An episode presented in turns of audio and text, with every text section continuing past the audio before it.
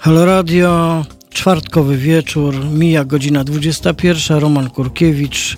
Bardzo się cieszę ze spotkania z Państwem. Życzę miłego słuchania, oglądania, komentowania. Halo Radio, czwartkowy wieczór.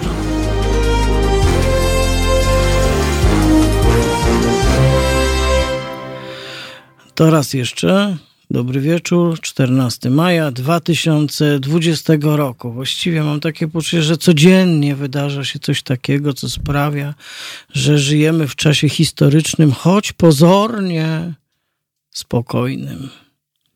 Wszak nie mamy teoretycznie wojny. A z drugiej strony nie jestem pewien.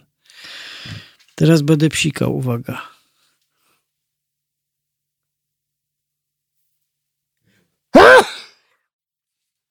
Psikłem, bardzo przepraszam, ale... Zdrówko. Kajtek życzy mi zdrowia, jak rozumiem, Państwo na pewno też. e, mm, czekaj, bo nie widzę tu komentarzy. Gdzie to jest? Tu jest. Dobrze. E, I e, no będziemy przez dwie godziny rozmawiać o rzeczach, które mnie oczywiście mnie oczywiście pasjonują, martwią, przejmują. E, nie wiem, nie wiem dlaczego, dlaczego po prostu wciąż, wciąż się tym przejmuję. Ale słusznie mówią słuchacze.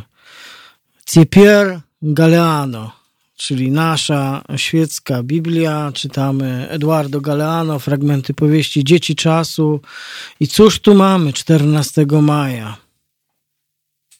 14 maja 1948 roku powstało państwo Izrael.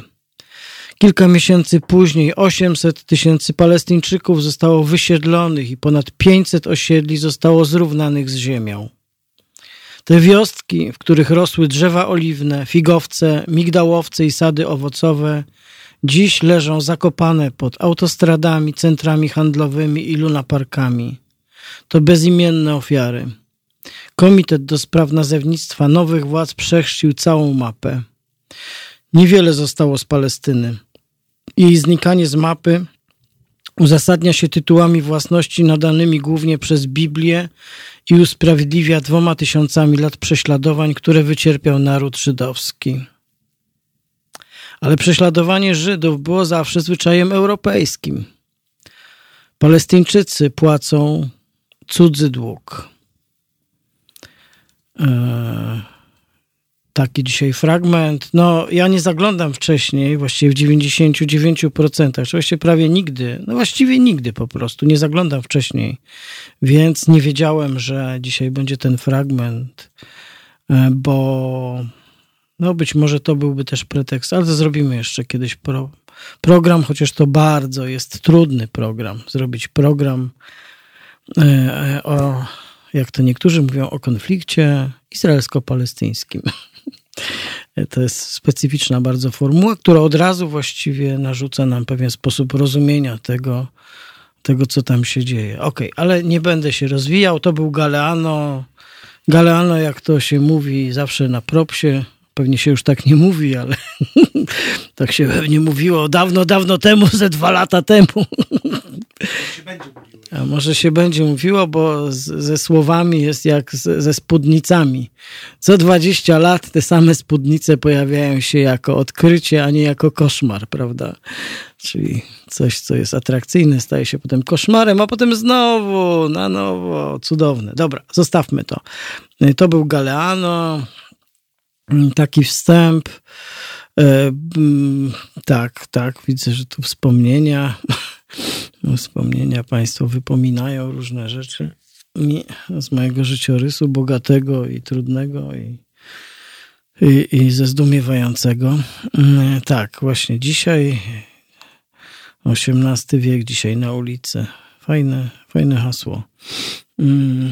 Nawet dzisiaj pomyślałem sobie, że jak będzie mi bardzo smutno, to przyniosę sobie książkę która mi jeszcze podniesie trochę, e, podniesie mi trochę temperaturę. I przyniosłem taką przedziwną książkę, która właściwie domaga się w ogóle kiedyś e, e, osobnego programu.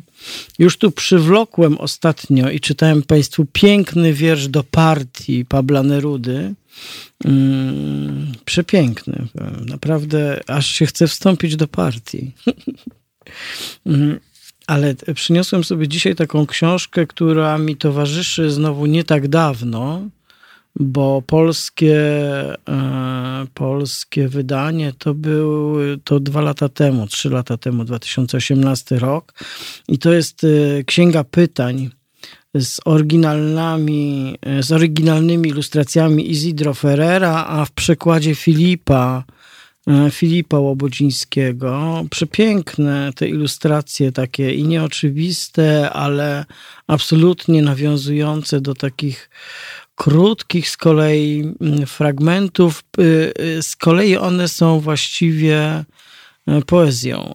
Coś, coś w nich jest takiego, co przypomina mi Galeano. Są też ponumerowane, aczkolwiek nie dniami, tylko każdy wpis ma swój taki numerek. I są cudowne, bo z jednej strony takie abstrakcyjne, z drugiej strony nieoczywiste E, i e, zachwycające. Nie wiem, być może będzie okazja, to dzisiaj, e, to dzisiaj coś przeczytam. Tradycyjnie zapraszam do telefonowania do nas, chociaż może nie od razu, bo będę miał zaraz gości takich, których normalnie mielibyśmy w studio. Chociaż pandemia, wiecie Państwo, pandemia schodzi, może i ze nas zejdzie wkrótce i będziemy tu widzieć żywych ludzi w studio. Prawdę mówiąc, lubię bardzo Kajtka i z nim tu siedzieć i, i wszystkich naszych pozostałych realizatorów, ale z drugiej strony mam poczucie jednak kompletnego odlotu, że w radiu siedzimy tu we dwóch i taki mamy, tak właściwie powinniśmy się nazywać radiomonolog. radiomonolog. Mm, tak. Radiomonolog. No ale to nie jest monolog, bo się łączymy poprzez nowoczesną technologię, prawda, przez e, imperium cyfrowe i tak dalej. Tak, tak. Nie, tam nie straszcie, nie opadajcie takich rzeczy, szóstka. Był tam zresztą też taki fragment w tej książce, w tej dziwnej księdze pytań, e, e, który też, też dotyczył też dotyczył Palestyny i Palestyńczyków i Palestynek, ale nie będę o tym mówił. Aczkolwiek właściwie trochę szkoda, że nie wiedziałem, bo obejrzałem ostatnio e, też niezwykły serial. Mm, ale to może kiedy indziej, kiedy indziej. Dzisiaj powiem Państwu krótko, o czym e, będziemy rozmawiać. E, dzisiaj będziemy rozmawiać, dzisiaj możemy rozmawiać będziemy rozmawiać o drzewach, o tym, co robimy z drzewami. Jednym z rozmówców będzie mm, autor bardzo takiego ciekawego i E, moim zdaniem ważnego tekstu, który e, niedawno stosunkowo ukazał się na stronie krytyki politycznej. Tym autorem jest Łukasz Dąbrowiecki, którego jeszcze przedstawię bliżej, jak już się z nami połączy. I napisał on tekst pod tytułem Biomasa to ekościema. E, no i to jest taka opowieść o tym fenomenalnym, niezwykłym wynalazku ekologicznym, który jest po prostu jakimś oszustwem, nie wiem, dekady, ostatnich dwóch dekad, po prostu czymś, co nas wpędza w jakiś, jakąś dramatyczną historię. Ale też ten tekst się tak ciekawie, mm, też się kończy jakąś taką nieoczywistą puentą i wyznaniem samego autora, które zresztą nie jest mi zupełnie obce. I wtedy sobie pomyślałem, że dobrze byłoby jeszcze doprosić pana Andrzeja Gąsiorowskiego, który już tu kiedyś był moim gościem, za czasów, kiedy mieliśmy kontakt z żywym człowiekiem, który też e, właściwie bardzo blisko się zajmuje tymi tematami, ale pewnie trochę innych pozycji, więc mam nadzieję na ciekawą rozmowę i, i może w jakiejś drugiej, trzeciej części tej rozmowy Państwa zaproszę, zapraszam. Znaczy ja w ogóle zapraszam do dzwonienia, tak? Tylko, że uprzedzam, lojalnie, że najpierw będą goście. Znaczy, najpierw będzie muzyka. E, Kajtek nie lubi zapowiadać muzyki, więc niestety ja będę musiał zapowiedzieć. To jest bardzo konkretna muzyka. Red Hot Chili Papers, Snow, Hey Oh. Taka będzie teraz piosenka. A potem wracamy do rozmowy i mam nadzieję, że pojawią się moi rozmówcy i pojawią się tutaj nasze wycięte, duchy naszych drzew wyciętych, które wycinamy ponad potęgę. Wrócę do mojego postulatu, pan Andrzej Gosiorowski na pewno pamięta, ścinać łby za każde ścięte drzewo. Jeden łeb za każde drzewo, albo dwa łby, albo trzy łby, byśmy uratowali drzewa.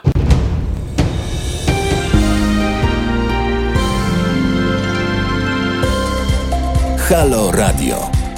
Pierwsze medium obywatelskie.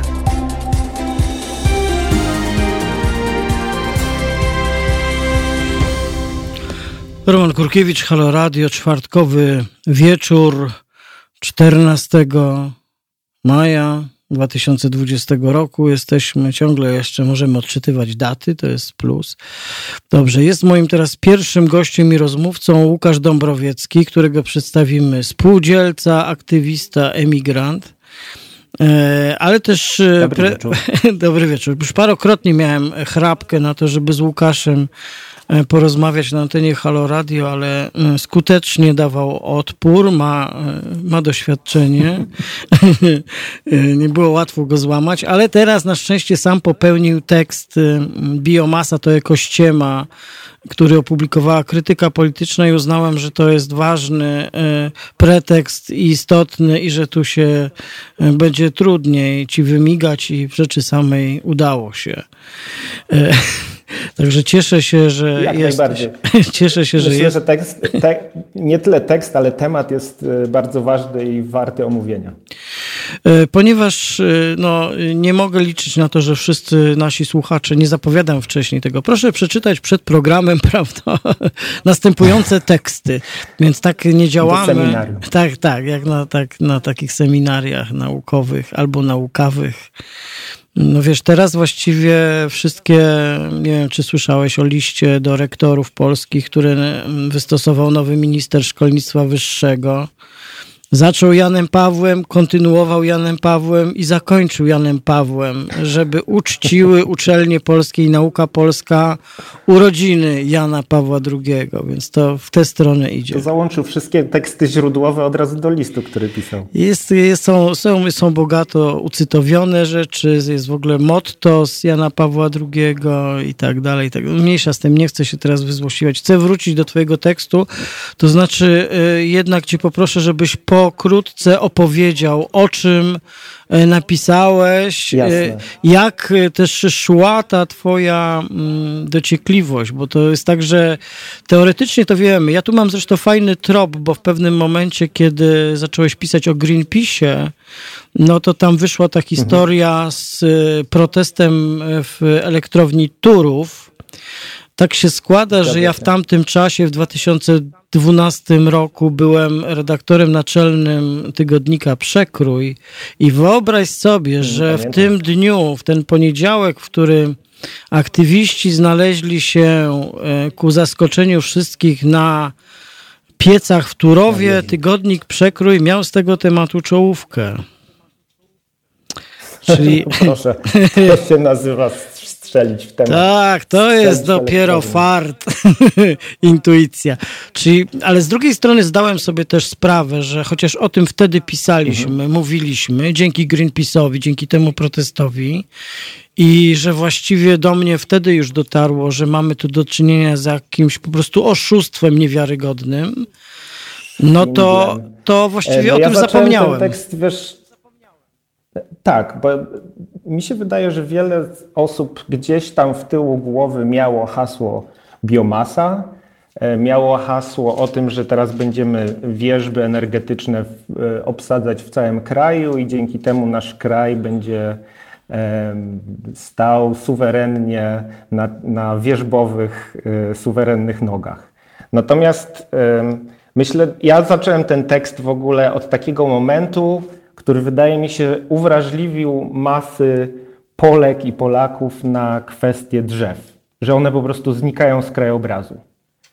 E, I zacząłem od Lex Szyszko, czyli mm. świeckiej pamięci, od, nazwane od świeckiej pamięci ministra e, Szyszko, nowelizacja ustawy o ochronie przyrody, która obowiązywała raptem pół roku, od stycznia do czerwca 2017 roku, która umożliwiała podmiotom e, cięcie właściwie wszystkiego bez występowania o zezwoleń, co się znajdowało na prywatnym gruncie. E, protesty, które wtedy się pojawiły, spowodowały, że rząd się wycofał, znaczy wycofano się z tej, z tej nowelizacji. E, natomiast później Izba, znaczy Najwyższa Izba Kontroli mówiła, że, że ona jakby totalnie spowodowała brak pieczy i wglądu w to co, to, co idzie pod piły i pod topory. I trudno było się tego doliczyć. Były próby policzenia, ile tak naprawdę w ciągu tego, e, tego półrocza drzew padło ofiarą tej nowelizacji. Są takie oceny e, doktora habilitowanego Zbigniewa Karaczuna z e, Szkoły Głównej Gospodarstwa Wiejskiego, która mówi, że w ciągu tego pół roku nawet 3 miliony drzew po prostu padło w Polsce. I to był taki moment, ja zaczynam od takiego aktywistycznego momentu właśnie. Nie? Znaczy ten tekst jest też tak napisany, czyli zbieram te różne e, chaotyczne też informacje, które do nas zaczynają docierać wtedy, czy, czy, czy większość z nas zaczyna być tak nastawia ucha, nie? co się dzieje. E, I większość nas obserwowała te wycinki w swojej okolicy, e, pojawiły się różnego rodzaju profile na społecznościówkach, y, Polska bez drzew i tak dalej, i tak. Natomiast ja będąc, y, przebywając za granicą, po jakimś czasie, po roku chyba od wycofania tej noweli, właściwie zacząłem obserwować podobny e, proceder w Niemczech. Może nie na tą skalę, natomiast w okolicy, gdzie mieszkam, a jest to okolica piękna, południowo, południowy południowo-zachodnia część Niemiec, gdzie po prostu zalesiona i w tymże uroczym, zaprojektowanym krajobrazie nagle zaczęły znikać drzewa.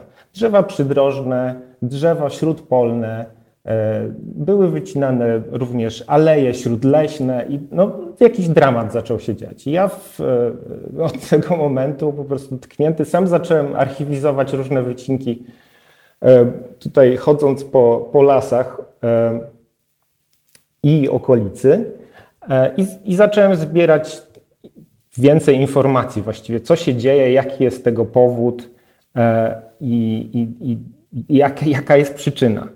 I co odkryłem w międzyczasie tak zwanym. Okazuje się, że te wycinki nie dotyczą tylko E, Polski, one nie dotyczą Niemiec, one dotyczą całej Europy Środkowo-Wschodniej, gdzie mamy większe obszary. E, leśne jest to, nie wiem, działalność mafii leśnej w Karpatach, wycinki na Ukrainie i tak dalej, i tak dalej. I teraz oczywiście to jest ten moment takiego uwrażliwienia na, na ja tutaj nie wysuwam jeszcze takiej żadnej e, daleko idącej czy głębokiej tezy, nie? E, jest atak na Puszczę Białowieską. Ludzie tam blokują, zresztą też z tego co pamiętam jeździłeś na blokady y, wycinek. Jest e, atak na Puszczę Karpacką. E, no jakieś masy tego drzewa po prostu prze, przewalają się na rynku drzewnym. No i to był też ten moment, gdzie ja zacząłem myśleć, ok, musi być tego jakaś jedna przyczyna. Nie, że musi się coś dziać, że musi być jakaś podstawa, nie wiem, ekonomiczna tego wszystkiego.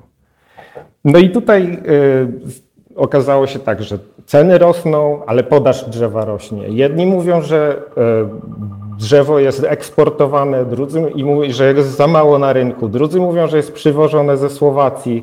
Jest straszliwy chaos informacyjny.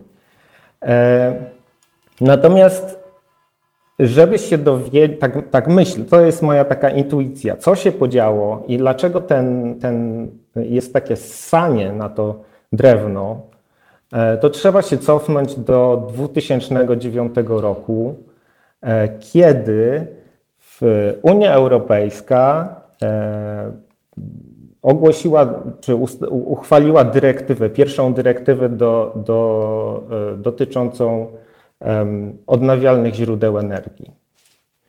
I tam została wpisana w to biomasa, która między innymi swoją definicją obejmuje drzewo odpadowe. I tym aktem wytworzono, wytworzono olbrzymi rynek. Aha, jeszcze wrócę. Czego było celem tak naprawdę? Ta dyrektywa miała wyznaczała cel, cel Unii Europejskiej, żeby do 2020 roku, czyli tego roku, Unia Europejska e, osiągnęła 20%, e, żeby 20% energii pochodziło w Unii Europejskiej ze źródeł odnawialnych. I myśmy to spełnili. Także Unia Europejska w tej chwili 20% e, czerpie ze źródeł odnawialnych. Z tym, że to nie są wiatraki w przeważającej części. To, to, nie jest, e, to nie są e, fotowoltaiczne e, ogniwa, tylko w 60% to jest właśnie biomasa. I teraz jej obrońcy będą mówić oczywiście, ale biomasa to przecież są odpady rolne, to są odpady komunalne, to są odpady drzewne podprodukcyjne. I to jest wszystko prawda. Natomiast według mnie tym aktem stworzono gigantyczny rynek na, na drewno, który zasysa w swój obrąb e, znacznie więcej drzewa. I według to nie jest tak, że ja twierdzę, że drzewa z Puszczy Białowielskiej prosto jadą do pieców elektrowni. Bo w elektrowniach w Polsce paliło się także łupinami orzechów z Indonezji. E, chodzi o to, że jeżeli ten rynek się pojawił, to w tych wszystkich tabelkach Excela, prawdopodobnie w nadleśnictwach po prostu widać zwiększony popyt. To drzewo, które przyjechało, nie wiem, ze Stanów Zjednoczonych, żeby być spalone w Wielkiej Brytanii, to ono nie będzie obecne na rynku drzewnym w ogóle, więc może je zastąpić jakieś inne drzewo. E, chodzi o to, że no mamy po prostu połączone naczynia globalnego rynku i stworzono nową przestrzeń, do pochłaniania lasów. I to, to, to się w tej chwili dzieje. Tak? I e, mamy na to e, dowody też filmowe. Powstały dokumenty bardzo ciekawe na, na ten temat. E, pierwszy, mm, który powstał jeszcze w 2017 bodajże roku, mm, czyli dokument Burned czy lasy są nowym węglem. I on dokładnie opowiada, opowiadał tą sytuację, że lasy południowego wschodu amerykańskiego przez ostatnie 10 lat e, są e, przerabiane na pelet drzewny i wywożone do, do Europy. Znaczy one są też spalane na miejscu, a część z nich jest wywożona do, do Europy. I przodującą, przodującym krajem, e, który dopala e, czy wymienia węgiel na drewno jest Wielka Brytania, są Niemcy, jest Francja, Szwecja. Także Polska. W Polsce, w Polsce e, funkcjonował system tak zwanych zielonych certyfikatów, który też tworzył, stworzył rynek na biomasę i on miał być kilka razy likwidowany, miał być reformowany.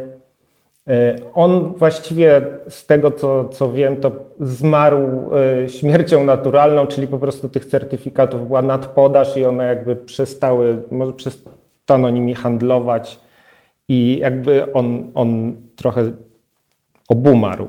Natomiast e, no, przez lata sprowadzano do Polski z jakichś najbardziej egzotycznych krajów biomasę, ponieważ nie, znaczy bajka o, o wierzbie energetycznej, którą będziemy sobie teraz hodować, jakby zderzyła się z realiami. No, okazało się, że taniej jest sprowadzać, tak jak powiedziałem, łupiny orzecha z Indonezji i spalać w, podczas transportowania tam kilkadziesiąt do kilkuset ton ropy na dobę, żeby to przewieźć statkiem.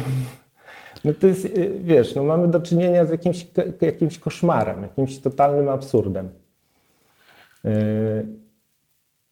No i e, co tu dużo powiedzieć. Znaczy, tym, tym też... osiągnęliśmy swoje 20%, z którego 60% to jest, to, to jest biomasa. Następny, e, kolejny, bo mieliśmy kolejny e, akt czyli podwyższyliśmy poprzeczkę jako Unia Europejska, czyli to jest to RED 2, które w 2018 zostało uchwalone i ono podniosło nam poprzeczkę, że do 2030 Unia Europejska ma osiągnąć 32% y, ze źródeł odnawialnych. W tej chwili nową y, przewodniczącą Komisji Środowiska Zdrowia Publicznego w Europie jest y, Jute Gutland i ona proponuje, żebyśmy, ona złożyła propozycję, żeby do 30 roku już 65% nastąpiło redukcji CO2. Mhm. Więc to, to, zostało wpisane i odbyła się tam taka zakulisowa walka i mieliśmy no, dosyć takie nieoczekiwane, oczekiwane, nieoczekiwane z kolei alianse, ponieważ y, okazało się, i to opublikował magazyn Unearthed, że Wielka Brytania, Polska i Hiszpania E, tam były próby ograniczenia tej biomasy, w tym RED 2, tak, z 2018 roku, żeby właśnie nie można było palić drzew e, w piecach elektrowni i, i Polska była jednym z krajów, który to blokował. Więc e, no, mój tekst wychodzi z takich obserwacji właściwie do, trochę ekonomicznych po prostu, nie? Gdzie, gdzie jest no, ten rynek, gdzie rozwija się wielka gałąź przemysłowa, która zasysa e, no, jakieś podstawowe nasze dobro, które powinno w tej chwili stać w lesie i sekwestrować nam e, dwutlenek węgla, bo tego potrzebujemy. To naj, najbardziej. Mhm.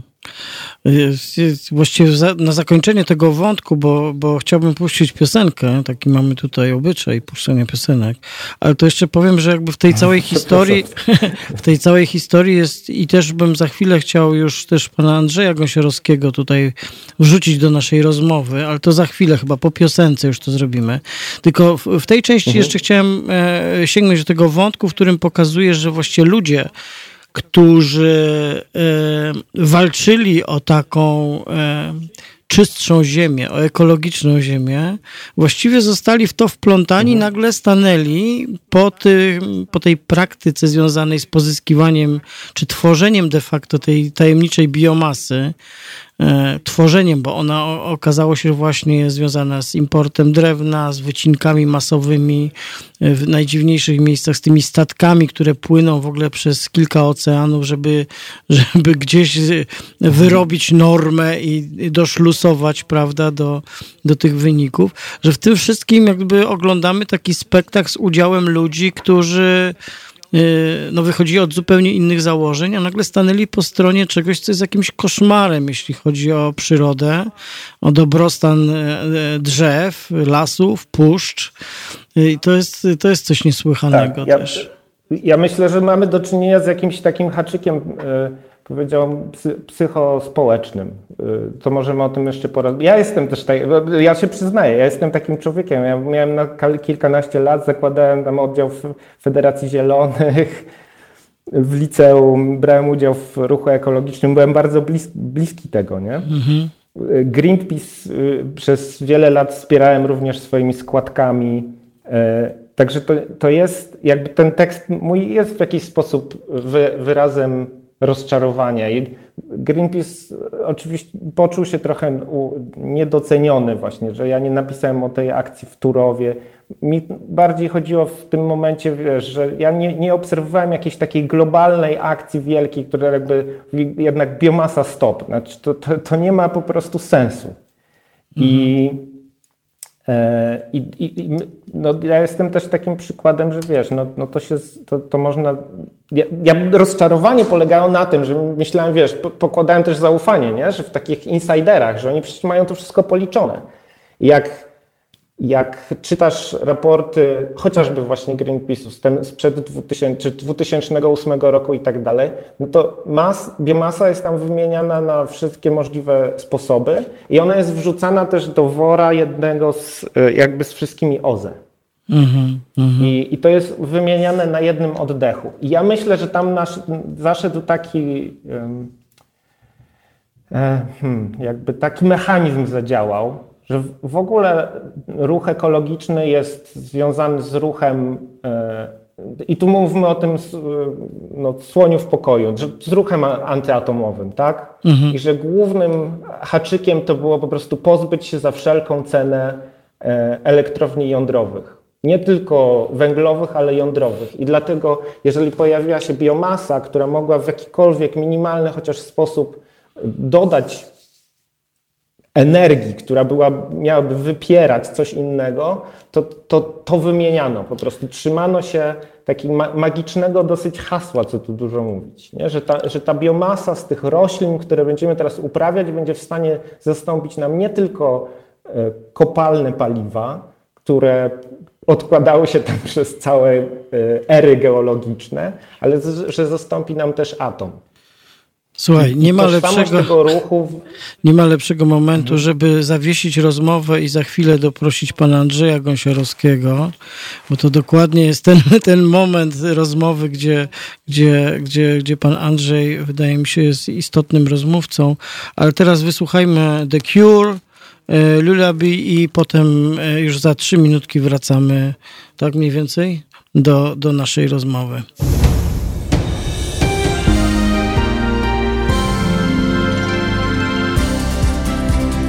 Halo Radio. Pierwsze radio z wizją.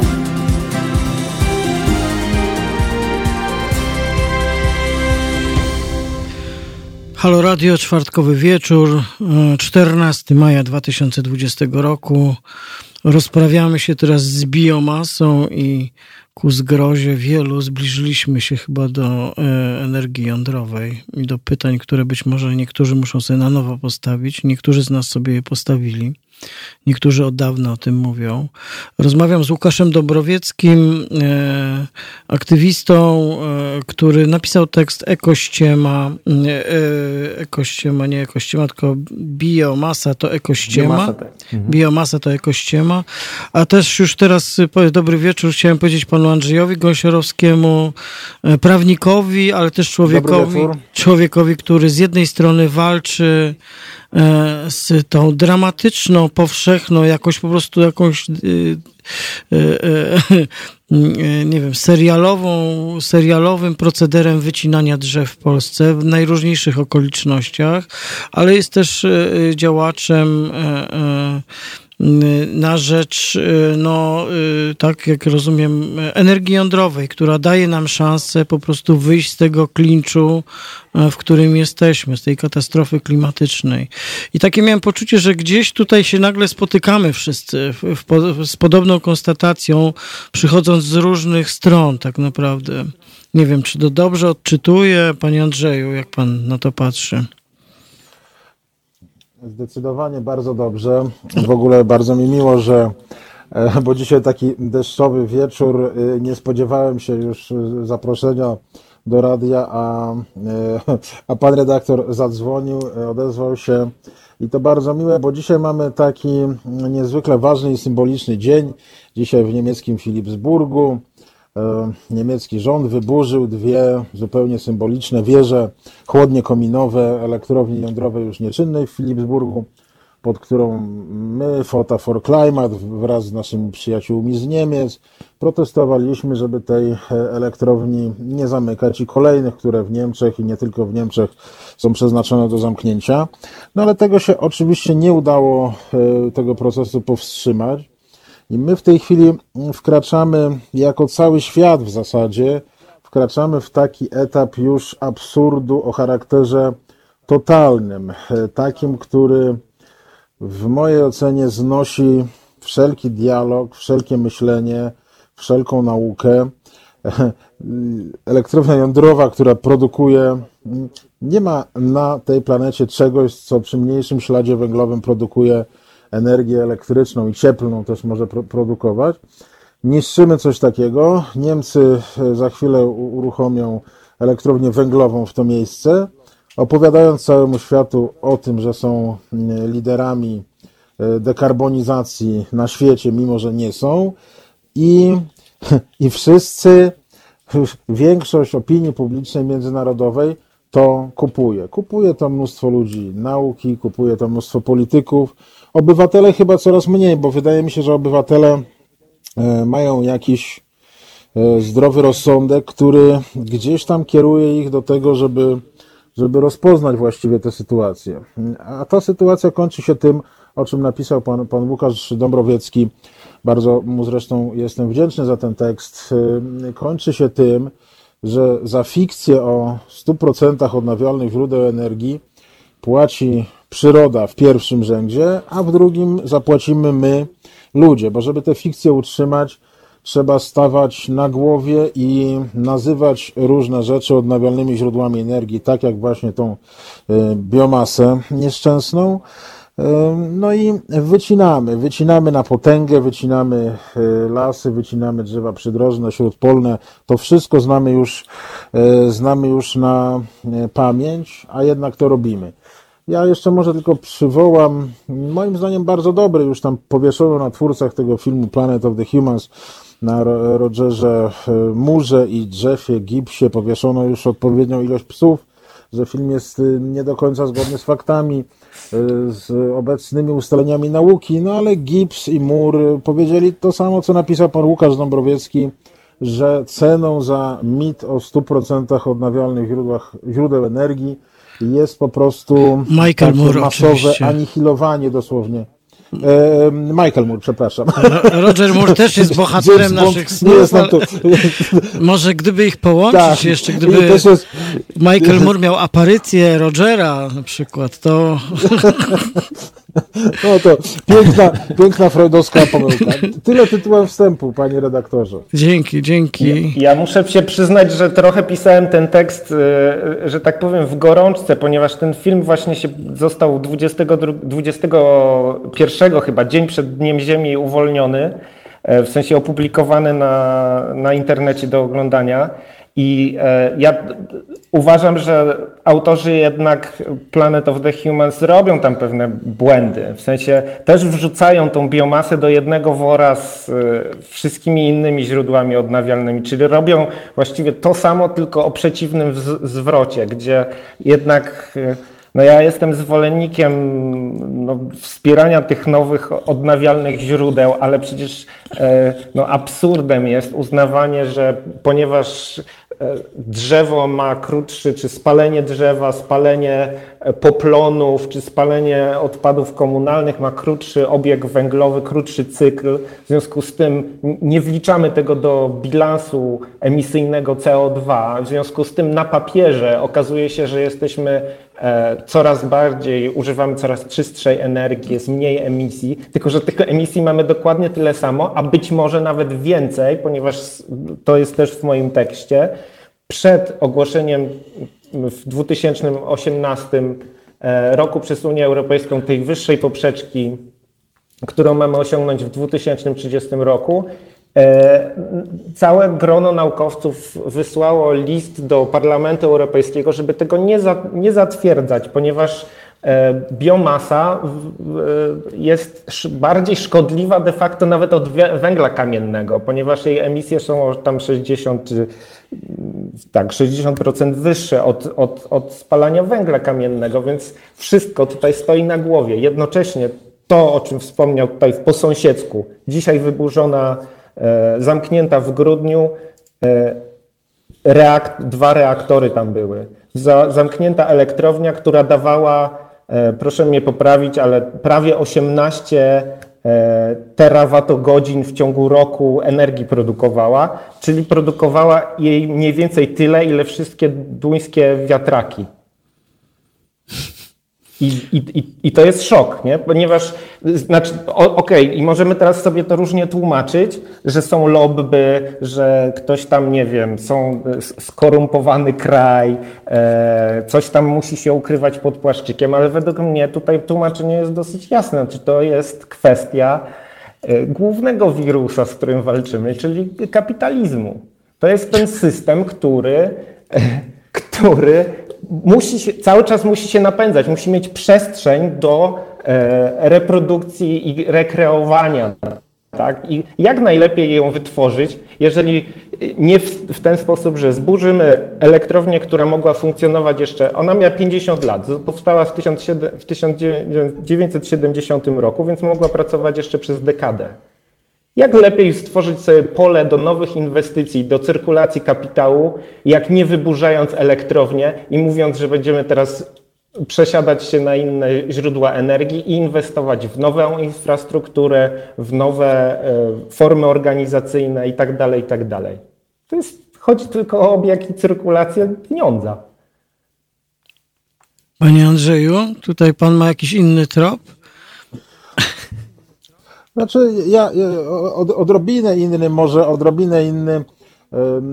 Ewidentnie jest tak, ewidentnie jest tak, że rewolucja energetyczna, czy przemiana energetyczna w takiej formie, w jakiej ją przeważnie w świecie zachodu, północy dokonujemy, ewidentnie jest to związane z, nie z tym, o czym marzą sobie zwolennicy tak zwanego dewzrostu, jest czymś dokładnie przeciwnym, to znaczy jest to rzeczywiście mechanizm kapitalistyczny, który napędza wzrost, jest dokładnie tak, jak pan Łukasz e, opisał, że elektrownie wyrzuca się po to, żeby całą tę infrastrukturę zbudować z wiatraków, paneli, no, które oczywiście muszą mieć wspomaganie gazowe i węglowe tak naprawdę, bo o tym opinia publiczna po prostu nie wie, że to musi być, to jest warunek konieczny, bo słońce czasami nie świeci i, i wiatr nie wieje i wtedy pracują elektrownie gazowe i węglowe.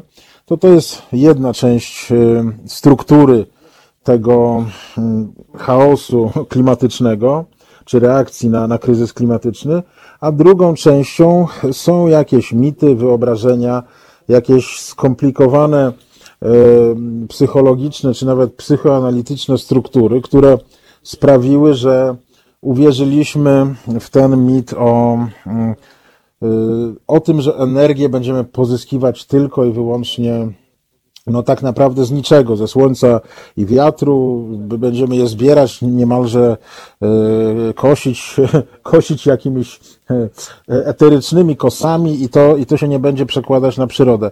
Więc funkcjonujemy tutaj w absolutnych takich szczypcach, gdzie z jednej strony mamy mechanizmy kapitalizmu, a z drugiej mamy jakieś potrzeby potrzeby mitu, potrzeby, no ja mówię, że religijne, za co ostatnio jeden z ogromnych zwolenników odnawialnych źródeł energii powiedział, że nie, nie, nie mogę mówić na, na jego wallu, przynajmniej na Facebooku, o tym, że, że, że ta potrzeba 100% jest taką potrzebą religijną.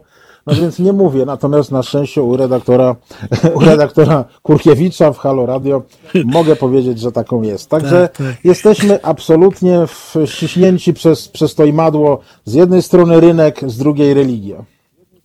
E, panowie tak rozpaliliście emocje, że... Ten, ten wątek... Poczekaj Łukasz, bo mam jeszcze momencik, zaraz tylko mamy... E, okay. Dzwoni do nas słuchacz, e, bo rozpaliliście panowie emocje, więc poprosimy o głos słuchacza. Pan dzwoni, pan Piotr z Katowic. Dobry wieczór. Dobry wieczór. Przepraszam, bo się nie przygotowałem. Dobry wieczór Romanie, dobry wieczór panowie, go, panowie goście. goście. Ja powiem y, z punktu widzenia kromiarza zwykłego, zjadacza chleba. Y, tak, powiem tak, na, najsamprzód powiem.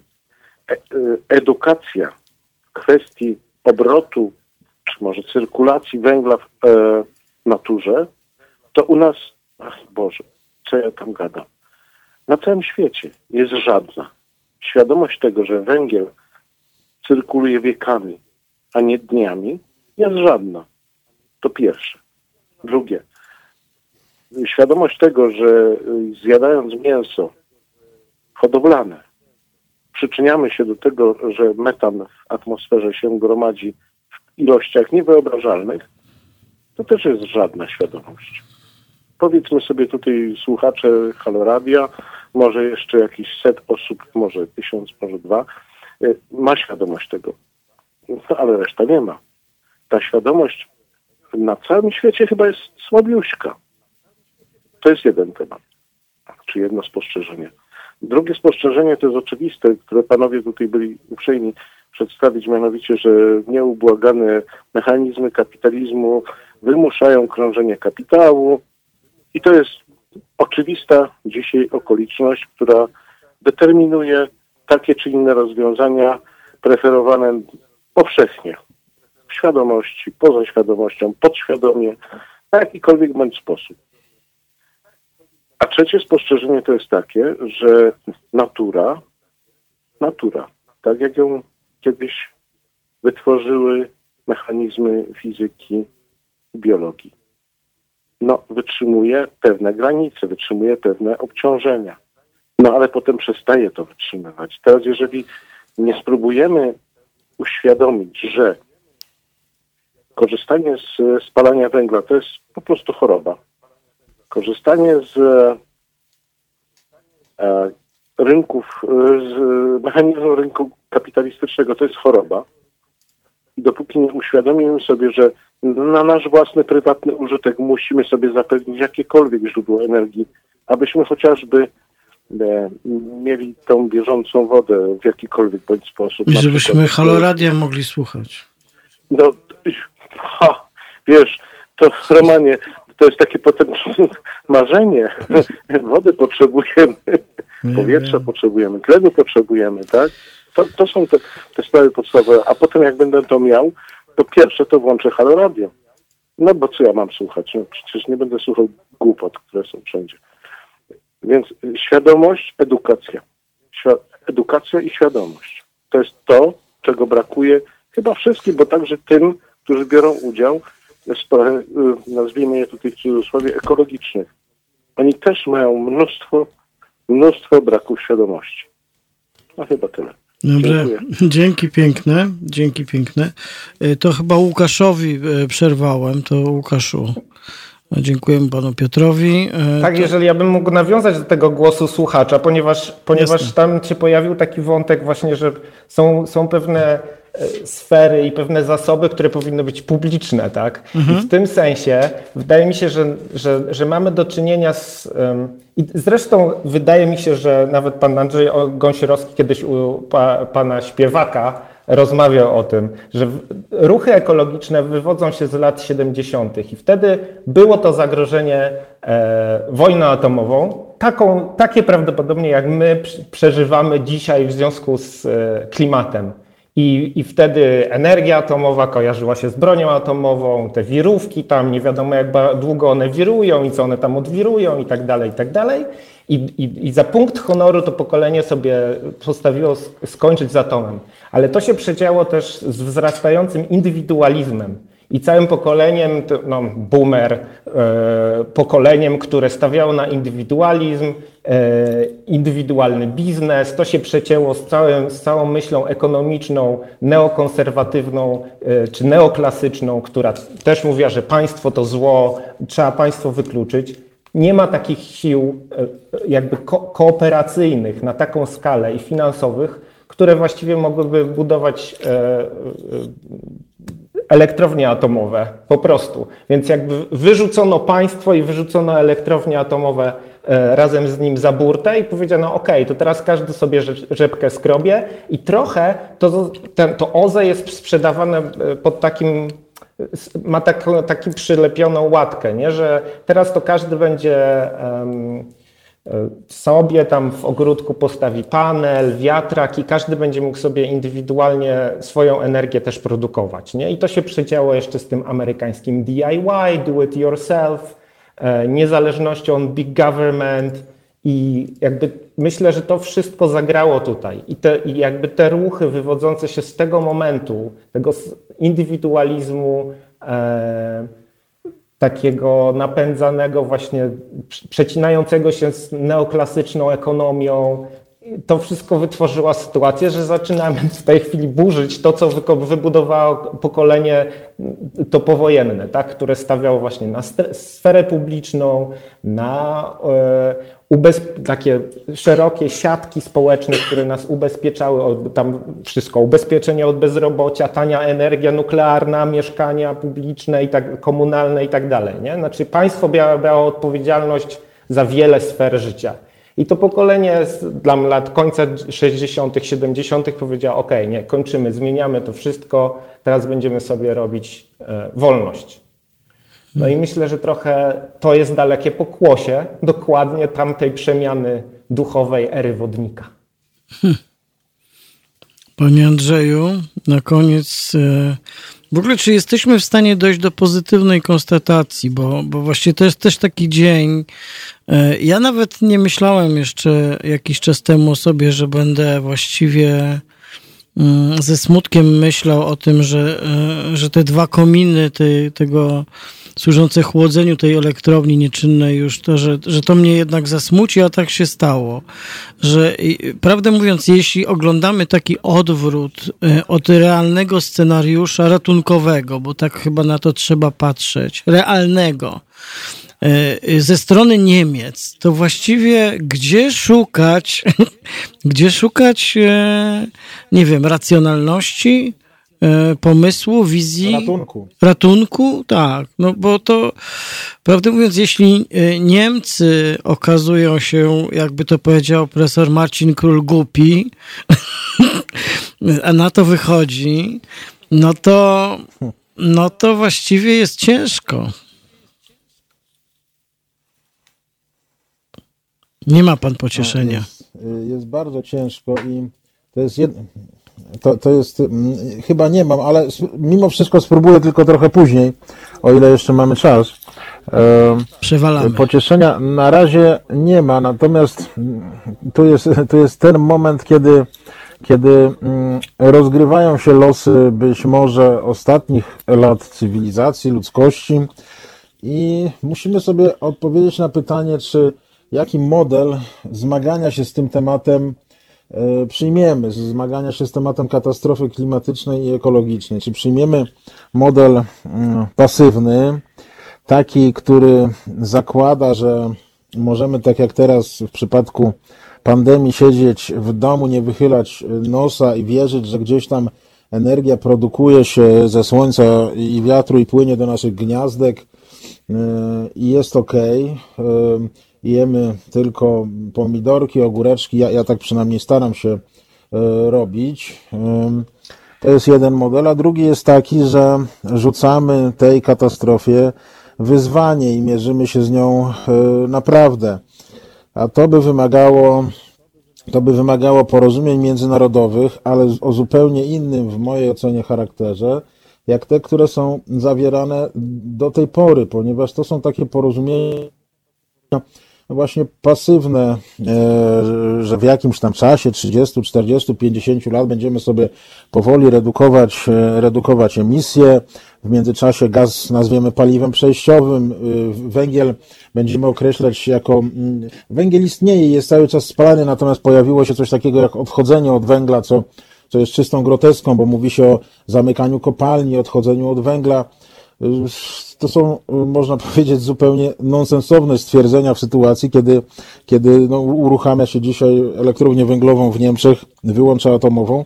No ale tworzymy jakieś takie imaginarium e, schyłkowego antropocenu, wpadamy w to imaginarium i się w nim topimy. I teraz, e, gdybym miał szukać czegoś optymistycznego, no to należy sobie zadać tylko takie pytanie, czy prędzej e, przejdziemy w tryb aktywnego walczenia z tą katastrofą, czy prędzej dopadnie nas nieusuwalna, już nieodwracalna katastrofa klimatyczna. Na razie idziemy w tym drugim kierunku, ale może presja będzie tak duża, że wyzwoli w nas siłę e, takiego e, symbolicznego wyjścia z domów, wyjścia z nor i mm, rzucenia wyzwania naszym własnym słabościom i problemom technologicznym. No to nie jest tak, że realnie musimy po prostu wyjść, jednak, nie symbolicznie?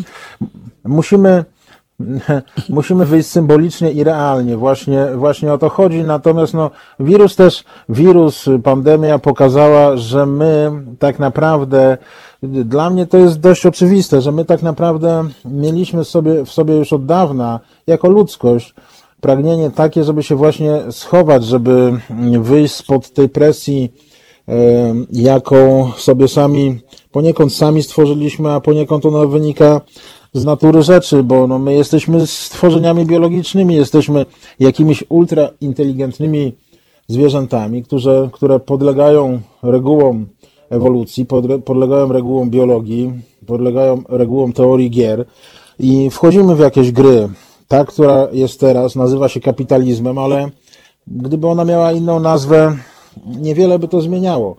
Y, jakby rozkminienie natury y, rzeczy, natury tego problemu y, i pójście mm, bardziej w stronę tych uwarunkowań czysto naturalnych, czy, czy wynikających w ogóle ze stosunków między, między jakimiś żywymi organizmami, jakimi jesteśmy, pozwalałoby żywić nadzieję, że znajdziemy adekwatne mechanizmy rozwiązania problemu. Natomiast my chowamy głowę w piasek. E, ten mit 100% OZE w mojej ocenie jest takim, taką klasyczną ucieczką i wyparciem. Wypieramy e, problem, próbując rozwiązać go mm, metodami zastępczymi. No to trochę tak, jakbyśmy alkoholizm próbowali rozwiązać piciem e, piwa albo w też czasami używam takiego porównania. Przemocowe zachowania jednego z członków naszej rodziny próbowalibyśmy rozwiązać zaproszeniem rodziny na niedzielny obiad i udawaniem, że wszystko jest w porządku. Mhm. Tak, coś takiego robimy. Łukaszu, na koniec jeszcze Ciebie poproszę może jakąś, jakiś wątek czy, czy myśl, która... Ja tutaj, no, chętnie bym to spiął, znaczy wrócił do tej, do tej biomasy, czyli ja uważam, że powinniśmy mieć, znaczy zdecydowanie wszystko, co rośnie w tej chwili jako wieloletnie drzewo powinno zostać tam, gdzie jest. To mhm. jest pierwsza rzecz, czyli drzewa po prostu utrzymują ten dwutlenek węgla zasekwestrowany i po prostu drzew nie należy ruszać. Czyli znaczy, moja pierwsze. propozycja kara śmierci za ścięcie drzewa tutaj jest bardzo pasuje do tego konceptu. No to jest taka koncept, ja powiedziałbym, z Planet of Humans, ponieważ tam ten maltuzjański duch gdzieś tam między wierszami się przejawia. U, unosi Ale się. druga rzecz, to jest na pewno, na pewno nie należy wyłączać e, elektrowni jądrowych, które w tej chwili pracują. Kwestią kolejną jest, czy prowadzić badania nad nowymi technologiami i próbować budować nowe. I, tak, taki, I tutaj na sam koniec, może taką pozytywną wersję odwołam, wyjdę poza, poza ten tekst, odwołam się do Urszuli Kuczyńskiej, która napisała bardzo ciekawy tekst niedawno. Ona jest e, pracownicą sektora energetycznego, ale także współautorką programu energetycznego Partii Razem. I ona napisała tekst, jak chłopcy z Chicago prawie nas ugotowali, gdzie proponuje wprost, że Europa na poziomie kontynentalnym powinna e, stworzyć nie kolejny plan Marszala, tylko kolejny plan Mesmera, czyli gościa, który przekonał Francuzów do, w latach 70., że powinni się uniezależnić energetycznie ze względu na e, kryzys e, paliwowy w latach 70. i po prostu zbudować sobie atom. I to się w, we Francji udało. Mm -hmm. I dzięki temu Francja jest niskoemisyjnym krajem. Panowie, e, bardzo Wam dziękuję za rozmowę. Łukaszowi dziękuję za, za napisanie tekstu, który jakby był pretekstem do naszej dzisiejszej rozmowy. Ja myślę, że to nie jest nasze ostatnie spotkanie w tej sprawie, bo, bo też e, nie chciałbym się tutaj, że tak powiem, zapętlić w tym zamykaniu oczy i chowaniu głowy w piasek, o czym mówił pan Andrzej Gąsiorowski. No i prawdę mówiąc, mówienie o tym głośno, publicznie, powtarzanie, wracanie do tego jak mantrę, no jest jedną z metod wyrywania się z tego marazmu i próby jednak szukania rozwiązań. Jakby dla mnie też pasjonujące jest to, że, że oglądamy w tej sprawie też jednak jakiś ruch myśli. To znaczy, że to nie jest tak, że jak raz stanęliśmy w jednym miejscu i tutaj ten, nie wiem czy on jest rzeczywiście religijny, ale ten dziwny splot między mitem i koniecznością jakby, że chodzi o to, że w wyznaniu wiary takim ekologiczno-lewicowym zawsze było to i nie wierzę w energię jądrową, prawda? I być może ten, i być może to credo e, musi ulec zmianie, tak? I, i, I to o tym też trochę pisze Łukasz. Paradoksalnie gdyby... energia atomowa jest trochę, trochę wytworem tej dawniejszej lewicy też, czy takiego mm. myślenia o dobru publicznym. I, I w ogóle jakbym, to zmiana, ja może mógłbym się od razu zwrócić do wszystkich leśników, którzy nas słuchają. Ja myślę, znaczy nie chcę tutaj w żaden sposób konfliktować teraz mówić, o, że to są ci ludzie, którzy teraz wycinają drzewa i, i jakby stajemy po dwóch stronach barykady. Ja myślę, że tam jest mnóstwo wspaniałych ludzi z pasją, którzy właśnie chcieliby służyć dobru wspólnemu, jakim są nasze wspólne państwowe lasy, które dostarczają, nie tylko mają dostarczać jakieś drzewo do elektrowni czy budowlane materiały, tylko po prostu być dobrem, gdzie możemy podnosić jakość swojego życia, żeby dbać o warunki krajobrazowe lasu, a nie tylko produkcyjne. To nie ma być zasób produkcyjny tylko i wyłącznie. Okej. Okay. I tym akcentem e, kończymy tę naszą część i ten wątek rozmowy. Bardzo dziękuję. dziękuję. Łukasz Dąbrowiecki i pan Andrzej Gosierowski byli moimi rozmówcami i państwa gośćmi. Bardzo dziękuję. I teraz Aerosmith Walk This Way będzie. A panom dziękuję i do usłyszenia. Halo Radio. Gadamy i trochę gramy.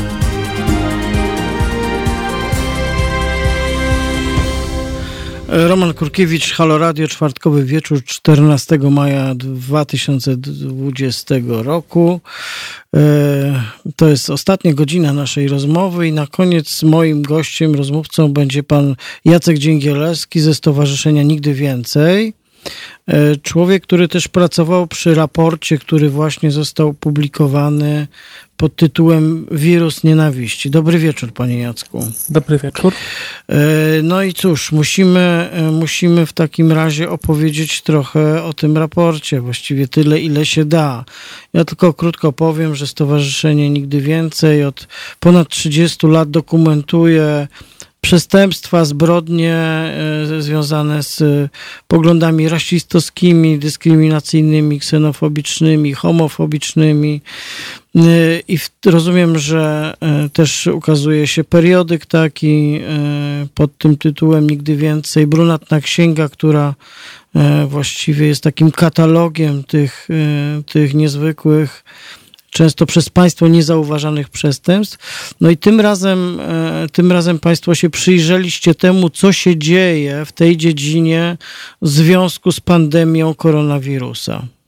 Mm, tak, tak. I powstał raport, który niestety ma tytuł Wirus Nienawiści. Czyli rozumiem, że ten wirus ma w tej kwestii też taki wymiar po prostu. Mm, tak, tak. No, od początku tej pandemii E, zauważyliśmy właśnie wzrost takich różnych incydentów e, rasistowskich, ksenofobicznych, homofobicznych e, i te wszystkie incydenty zebraliśmy właśnie do tego raportu. Mhm. To spróbujmy może prześledzić te, te wątki, te grupy osób, które tam się pojawiają, bo to jest jednak dość wstrząsające. Mamy tutaj polityków, mamy posłów, mamy europosłów, mamy hierarchów kościoła, mamy pracowników naukowych polskich uczelni, uniwersytetów, mamy zwykłych ludzi, którzy komentują w sieci. Jak, jak, państwo to, jak Państwo to chcieliście pogrupować, jak to, jak to pokazujecie? To znaczy, na pewno zaczęło się, można mówić, na początku E, od takiej agresji e, na ulicy, kiedy zaczęły dochodzić informacje o tym koronawirusie. E, I wtedy zaczęliśmy notować właśnie po prostu incydenty, czy agresje, czy wyzwiska jakieś pod adresem osób pochodzących z Azji. Mhm. Czy, czy po prostu nawet mieszkających w Polsce od wielu lat, ale, ale o pochodzeniu azjatyckim.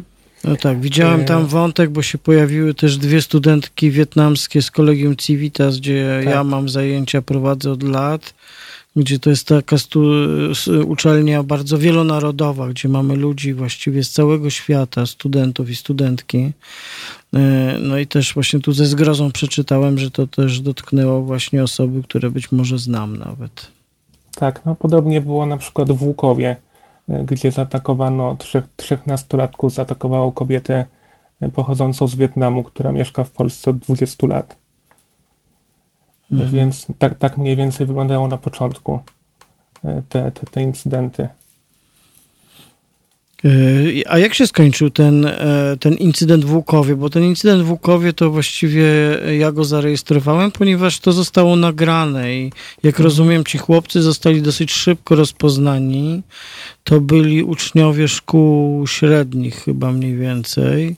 Tak. I coś się w tej sprawie wydarzyło? Jak to wygląda? Z tego co wiem, to został, e, zostało wszczęte postępowanie w sprawie znieważenia z powodu przynależności narodowej i naruszenia nietykalności cielesnej. Mhm. No ale co, co dalej, to właściwie nie wiemy. Dalej tak? to jeszcze chyba nie wiadomo. Okej, okay, czyli początek to były po prostu akty e, agresji bezpośredniej, fizycznej. Mhm. I one zresztą na, w, różnej, w różnej wersji tutaj się pojawiały dalej. Znalazł się powód, dlaczego są atakowani ci ludzie, tak? I że wybrano w większym, rozumiem, stopniu teraz osoby pochodzące z Azji, a nie na przykład osoby o ciemnym kolorze skóry, tak? No na początku tak. Na tak. początku, ale, tak. Ale Polacy szybko nadgonili, tak? E, tak, no później zaczęliśmy odnotowywać incydenty e, wobec e, ludzi po prostu uważanych za obcych, na przykład Ukraińców. Także to, to, to już przestało dotyczyć tylko osób z Azji. Czy, czy, czy Ukraińców, później kolejne grupy, osoby LGBT też zostały, zaczęły być atakowane więc ten, ten krąg po prostu się zaczął rozszerzać. Mhm. Te obserwacje dotyczą co ostatnich po prostu dwóch miesięcy, tak? Tak. I, e, I, właściwie jak ja przeglądam pełen raport, który jest dostępny na Państwa stronie też, no to tu mamy po prostu tych e, incydentów, tych wydarzeń, tych e, odzywek, tych po prostu, no ja ich tu nie jestem w stanie policzyć, ale to jest, no nie wiem, y, pan, pan się orientuje, ile zapisaliście tutaj tych Bardzo rzeczy? dużo. Ciężko mi podać jakąś liczbę, ale, ale właściwie codziennie coś, coś się No właśnie, wydarza. to wydaje mi się, że to jest na pewno ponad 100 takich opisanych mhm. rzeczy, tak? I też trzeba pamiętać, że rzeczywiście na pewno mamy jakąś tak zwaną taką szarą liczbę tych wydarzeń, o których mhm, nie tak. wiemy, tak? Też w tym, co Państwo tutaj e, monitorujecie, no to mamy, e, mamy e, całe, całe takie gro głosów pochodzących od osób, które są publicznie znane albo pełnią funkcje publiczne. To są urzędnicy państwowi również. Tam gdzieś trafiłem na wypowiedź jednego z dyrektorów z dyrektorów Sanepidu, mamy posłów, jak mówiłem, europosłów, e, księży, hierarchów. Mm, e, tak, tak. No, to jest szczególnie niepokojące, prawda? No, tak delikatnie mówiąc. Bo zaczęło się właściwie od takiego bagatelizowania jeszcze w styczniu po prostu tego koronawirusa, e, kiedy te, te osoby publiczne mówiły, że właściwie to nie zagraża Polsce, tylko, tylko Chińczykom. Y, natomiast później no, już było coraz gorzej i, i wiele z tych osób publicznych, y, czy posłów, czy, czy, czy duchownych po prostu zaczęło y, głosić na przykład teorie spiskowe. Tutaj też sporo udokumentowaliśmy teorii spiskowych. Mhm. No które się, są w internecie głównie rozprzestrzeniane. Tu się robi taka tajemnicza pętla, tajemnicza pętla, która ma wszystko wyjaśnić. 5G, szczepionki, no tak, i tutaj też wracają takie, takie, takie stereotypy, które już gdzieś tam w społeczeństwie egzystują, prawda? Tak jak pan mówi o Sorosie, czy, czy jakieś panowanie nad światem, depopulacja, to wszystko gdzieś tam się łączy i, i po prostu teraz się odnawia, tak? Jest po prostu wykorzystywane takie stare stereotypy. Mhm. Tak, no jakby stereotypy są, są, cieszą się niezwykłą żywotnością. Proszę mi jeszcze powiedzieć, e, e, raport teraz po prostu jego, on właściwie co, dzisiaj, dzisiaj został opublikowany, tak? To może wczoraj. Wczoraj, tak. wczoraj, mhm. tak. Ja też dostałem mailem te informacje i ten raport, dostęp do niego. I oprócz tego, że on idzie takimi kanałami właśnie, że trafia, czy państwo gdzieś go też oficjalnie wysyłacie? Macie taką ścieżkę oficjalnych, nie wiem, powiadomienia jakichś instytucji państwa, jakichś władz państwowych, czy po prostu teraz to jest w rękach, że tak powiem, mediów, dziennikarzy e, i takiego wolnego obiegu, na przykład internetowego? Jak to się będzie, jak się, no, co dalej się tak, będzie działo no, z tym raportem? Wysłaliśmy to do mediów jako takie opracowanie, które ma e, pokazać pewne trendy, tak? I no tak, no i teraz jest, jest, jest, odzew, na, jest, jest odzew na ten raport i e, ze strony mediów być może zwiększy świadomość właściwie tego, co się dzieje i, i tych, o istnieniu tych incydentów. Hmm. No wie pan co, ja tak się często zastanawiam, bo jakby y, no, ten y, taki o, prowadzony od lat, y, tak zapoczątkowany przez Marcina Kornaka, założyciela stowarzyszenia i przez wiele lat redaktora naczelnego pisma, ten raport, który się nazywa Brunatna Księga, po prostu przez 30 lat dokumentował przestępstwa, naruszenia prawa, ale także zbrodnie, które są motywowane właśnie e, e, tymi wszystkimi e, dziwnymi poglądami, które określamy słowem rasizm, antysemityzm, islamofobia, homofobia i tak dalej, i tak dalej, ksenofobia. No i, i właściwie y, jest pytanie, na ile ten raport się przebija do świadomości. Ja mam takie poczucie, że tak jak w poprzednim wątku naszej rozmowy y, opowiadaliśmy o, y, o takiej takim niezainteresowaniu ludzi katastrofą klimatyczną i tym, co robimy jakby z naszą przyrodą, jak pozyskujemy energię, to że tutaj mamy e, niestety podobne zjawisko, tak? To znaczy, że, że, że wydawałoby się na zdrowy rozum, że taka informacja powinna wywołać skutek, zdecydowaną reakcję, powstanie procedur, powstanie jakichś form, e, które próbują w sposób systemowy temu zaradzić, a my właściwie dzisiaj oglądamy tak naprawdę odwrót od takiego myślenia. Mhm. To znaczy na pewno powiem tak, y, obserwujemy od kilku lat, od mniej więcej 4-5 lat y, znaczący wzrost tego typu incydentów. Y, także każdego dnia właściwie można powiedzieć, że jest po kilka takich zdarzeń, które możemy odnotować w brunatnej księdze. I obserwujemy też na przykład dostanie się bardzo radykalnych polityków do parlamentu. Mhm. I co do tych procedur, to one myślę, że są, tylko nie są odpowiednio wykorzystywane bo tak jak mhm. chociażby w tym przypadku pobić czy jakichś ataków na ulicy, y, dostajemy informację, że na przykład w Wielkiej Brytanii takie, takie osoby są od razu aresztowane i, i są wyciągane konsekwencje, tak? A u nas takie, takie incydenty się traktuje troszeczkę po macoszemu, albo jest odmowa wszczynania śledztwa, albo ten wątek taki rasistowski, ksenofobiczny w ogóle nie jest brany pod uwagę. Mhm. No też w prawie nie mamy niektórych przestępstw, tak? No, znaczy tak, mamy tak. Z, niektóre z tych powodów. Tak, no nie wszystkie przesłanki są tak. Tak, są, są. Na razie się nie zanosi, bo formacja, która jest u władzy i która się też wspiera tymi grupami bardziej radykalnymi, no to po prostu właściwie uważa bardzo podobnie jak osoby, które to opisujecie czasami, E, wyrażają się oni delikatnie, ale wśród e, tutaj głosów, które Państwo zamieściliście, wydaje mi się, że był e, na pewno jeden z europosłów, europarlamentarzystów PiSu. Więc to, to na pewno taki wątek jest. On się zresztą też pojawia w taki mniej uświadomiony sposób, taki powiedziałbym, taki nieuświadomiony rasizm, który się pojawia w takich pseudożartobliwych wypowiedziach i tak dalej, i tak dalej. E, panie Jacku, zróbmy tak. E, posłuchamy teraz piosenki Merwina Geja, Let's Get In On, a potem wrócimy jeszcze do naszej rozmowy o raporcie Wirus Nienawiści, które, który został przygotowany przez Stowarzyszenie Nigdy Więcej. Dobrze? Dobrze, oczywiście.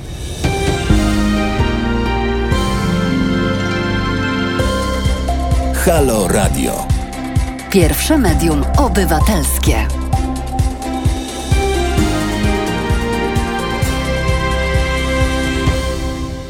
Halo Radio to jest czwartkowy wieczór 14 maja 2020 roku. Jest już godzina 22.36 właściwie. E, jesteśmy z Państwem już ponad pół roku. E, Halo Radio, do którego możecie dzwonić jak nawet jak nie podajemy numeru, to już dzwonicie, bo znacie ten numer, ale ja go podam, bo tutaj kierownictwo potem mówi, że znowu nie podaliśmy numeru i dlatego ludzie nie dzwonią. 22 390 59 22 to jest kierunkowy. Można oczywiście też pisać maile, ale maile odbieram ja osobiście akurat dopiero po programie, więc jest trudno. Chciałem podziękować też za, za to, kiedy nas Państwo wspieracie i oczywiście zaapelować o to, żebyście nadal robili i wtedy możemy robić takie radio, jak nam się wydaje, jest ważne, potrzebne, którego brakuje i które, mm, które też ma swoich bardzo wiernych słuchaczy, ale też nowych, prawda? Bo się pojawiają. Słynne pytanie, dlaczego nie ma muzyki, prawda? jak się słucha w jakiś sposób. Ok, wracam do naszej rozmowy. Moim rozmówcą w tej części programu jest pan Jacek Dzięgielewski ze Stowarzyszenia Nigdy Więcej i pretekstem do naszej rozmowy był opublikowany czy udostępniony wczoraj taki raport e, stowarzyszenia pod tytułem Wirus Nienawiści o głównie o zachowaniach e, E, które mm, motywowanych rasistowsko e, czy z innych tego typu politycznych uprzedzeń e, związanych z pandemią koronawirusa. I, i tutaj jakby przeglądając ten raport, Mamy tak naprawdę opowieść o całej Polsce. Mamy duże miasta, mamy małe miasta, mamy miasta właściwie z całej Polski, chociaż duże, mm, duże, duże miasta tutaj oczywiście przodują. E, ten raport to jeszcze dla porządku, tylko powiedzmy, żeby oddać sprawiedliwość, oprócz pana Jacka, który jest z nami na antenie, e, e, zredagowali Rafał Pankowski, profesor Rafał Pankowski, również z Kolegium Civitas i pani Anna Tatar, pani doktor Anna Tatar, z tego co pamiętam. Mm, e, no i okej. Okay. E, I też, no cóż, co możemy więcej powiedzieć? To teraz, to teraz jeszcze muszę panu oddać głos. Jakby jak, mm, czy ta, czy ta, mm, czy ten jakby wylew tych zachowań, czy taki, nie wiem, skala tych zachowań państwa zaskoczyła. No jednak od, od y, tych 30 lat stowarzyszenie obserwuje te zachowania. To nie jest tak, że one znikają e, z powierzchni ziemi. Natomiast tutaj mam takie poczucie, że to, że wydaliście taki cząstkowy raport, że on ma swój tak zadedykowany osobno tytuł, no oznaczałby, że tu jednak coś się wydarzyło takiego intensywnego, że nastąpiło wzmożenie takich postaw i no. zachowań. Czy dobrze to interpretuję? No na pewno, y, jeżeli mam mówić za siebie, to mnie zaskoczyła ta skala. To mhm. znaczy, początkowo zaskoczyło mnie, że w ogóle y, tutaj pojawia się jakikolwiek rasizm i i takie obwinianie kogoś e, w momencie, w którym cały świat walczy z pandemią, e, szukanie takiego kozła ofiarnego. E, natomiast no, potem, potem na pewno można to porównać do, po prostu do poprzednich takich sytuacji, w których ta nienawiść eksplodowała, tak? Po, połowa 2015 roku kampania wyborcza i ta gra tematem przyjmowania uchodźców. Tak? Wtedy też odnotowaliśmy ogromny wzrost e, agresji i przemocy wobec uchodźców czy osób uważanych za uchodźców. Mm, później kolejna kampania w zeszłym roku, skrajnie prawicowe partie wykorzystujące temat LGBT w swojej kampanii znowu eksplozja nienawiści wobec tych środowisk.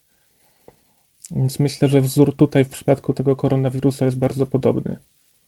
Mhm. Jest potrzeba szukania jakiegoś winnego, potrzeba takiego zjednoczenia e, przeciwko komuś. Też tym zjawiskiem, które jest jednak bardzo niepokojące, to że pojawiają się takie głosy e, z tych światów, które teoretycznie powinny głosić zupełnie inną, jak to się mówi, nowinę czyli też mamy tutaj głosy księży czy pracowników y, uczelni wyznaniowych i to jednak jest zawsze wstrząsające. Ja też y, czasem się zastanawiam nad tym, jak to jest, że właściwie mm, niechętnie się konfrontujemy z tymi dziesiątkami takich postaw. Przecież e, większość tych zachowań, e, które Państwo opisujecie w swoim raporcie, to są zachowania po prostu ludzi, którzy są naszymi sąsiadami, synami, e, kolegami naszych dzieci ze szkół, z pracy, e, ludźmi, z którymi, nie wiem, e, no gdzieś tam się mijamy w życiu, których często byśmy nie podejrzewali o to. E, no tak, tu jest taki mocny komentarz pani Małgo, tak, no właśnie, no może tak to trzeba powiedzieć. Pani Małgo napisała, to są współcześni szmalcownicy. No powiem tak, to jest oczywiście może, to jest chyba jednak za mocno, bo jednak e, to, co robili szmalcownicy, to jednak kosztowało ludzi życie. Można powiedzieć, tu na szczęście kończy się na pobiciu, opluciu, popchnięciu, zwyzywaniu. To nie jest usprawiedliwienie. Ale w tym sensie zgadzam się z panią, że z naszą słuchaczką, że, um, że oglądamy ten spektakl takiego zakłamania, czyli tego poczucia o, e, o takiej niezwykłej wyjątkowości Polaków, i teraz właściwie jak zaczynamy czytać e, e, Państwa raport, raport pod tym wirus nienawiści, mówię, o, to opowieść o jakichś istotach z innej planety niż Polska, zupełnie innej. To w ogóle nie pasuje do tego miejsca, w którym żyjemy i o którym słyszymy te wszystkie słowa. A bolesna prawda jest taka, że to właśnie jest opowieść o Polsce. No niestety tak. Myślę, że to, co Pan mówi o tych sąsiadach i tak dalej, że to są, mogą być ludzie, których znamy, że tutaj problem jest też taki, że przykład idzie z góry, prawda? I, I po prostu obserwujemy, słuchamy w mediach y, wypowiedzi tych osób publicznych, polityków, ostatnio celebrytów, którzy się wypowiadają, bo, bo też to odnotowaliśmy, że, że pojawiają się piosenkarze, artyści, y, podróżnicy, którzy, którzy głoszą po prostu jakieś skrajne teorie spiskowe o depopulacji i tak dalej. I że to wszystko jakoś wpływa na tych zwykłych ludzi, tak? I są też zawsze jakieś ugrupowania e, skrajnie prawicowe, ksenofobiczne, które też jakieś lęki, jakieś niepokoje wykorzystują, tak? Instrumentalnie i, mm. i jak widać im się to opłaca. Mhm. Panie Jacku, mamy telefon, dzwoni do nas y, słuchacz, tak? Pan Maciej. Mhm. Dzień dobry. Dobry wieczór. E, ja bym chciał powiedzieć tylko, że może to nie są, e, to co jedna e, pani słuchaczka powiedziała, że może to nie są szmalcownicy, ale wydaje mi się, że to są tacy, mm, tacy swego rodzaju spadkobiercy. I to wydaje, wydaje mi się, że to jest lepsze słowo opisujące takie zjawisko tych ludzi. I wydaje mi się, że to też zaczęło się od mediów takich właśnie, nie wiem, że takie osoby o takich skrajnych poglądach zostały tam dopuszczone. Więc wydaje mi się, to też zasługa mediów i, i, nas jako społeczeństwa. No to dziękuję. Mhm, dziękuję no. bardzo, dziękuję bardzo panu Maćkowi za ten telefon i za ten głos. E, no ja też mam poczucie, że to jest tak, że mm, z ludzkich głów nie mamy siły, żeby wygnać taki sposób myślenia.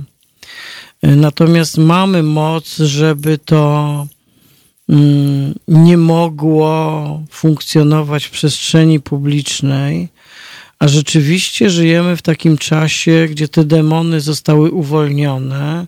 To są zarówno demony słów, które, które które bardzo często prze, prze, przemiesza, przemieszują się, czy przenikają się potem z aktami fizycznej agresji. Zresztą znamy, znamy ten schemat, jak gdyby to, to jakby e, to się po prostu intensyfikuje, radykalizuje, a w końcu się potem niestety spełnia jakimś najczarniejszym snem.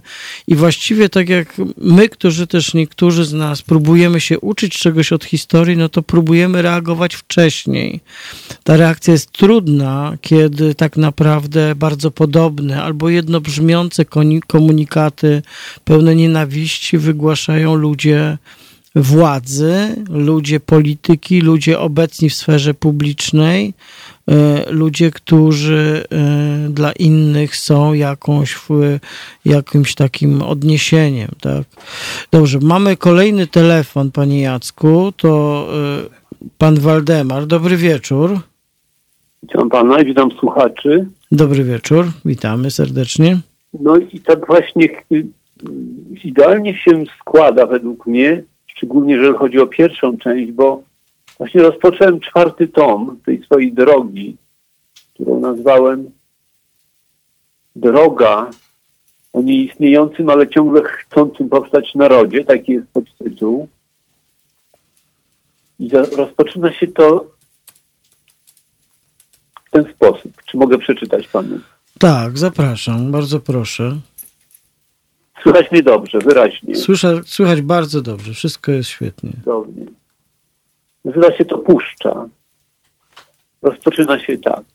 Miałem puszczę w środkowo-wschodniej Europie. Czy to wam czegoś nie przypomina? Ruszam więc nie mając zielonego pojęcia, czym to zjawisko jest.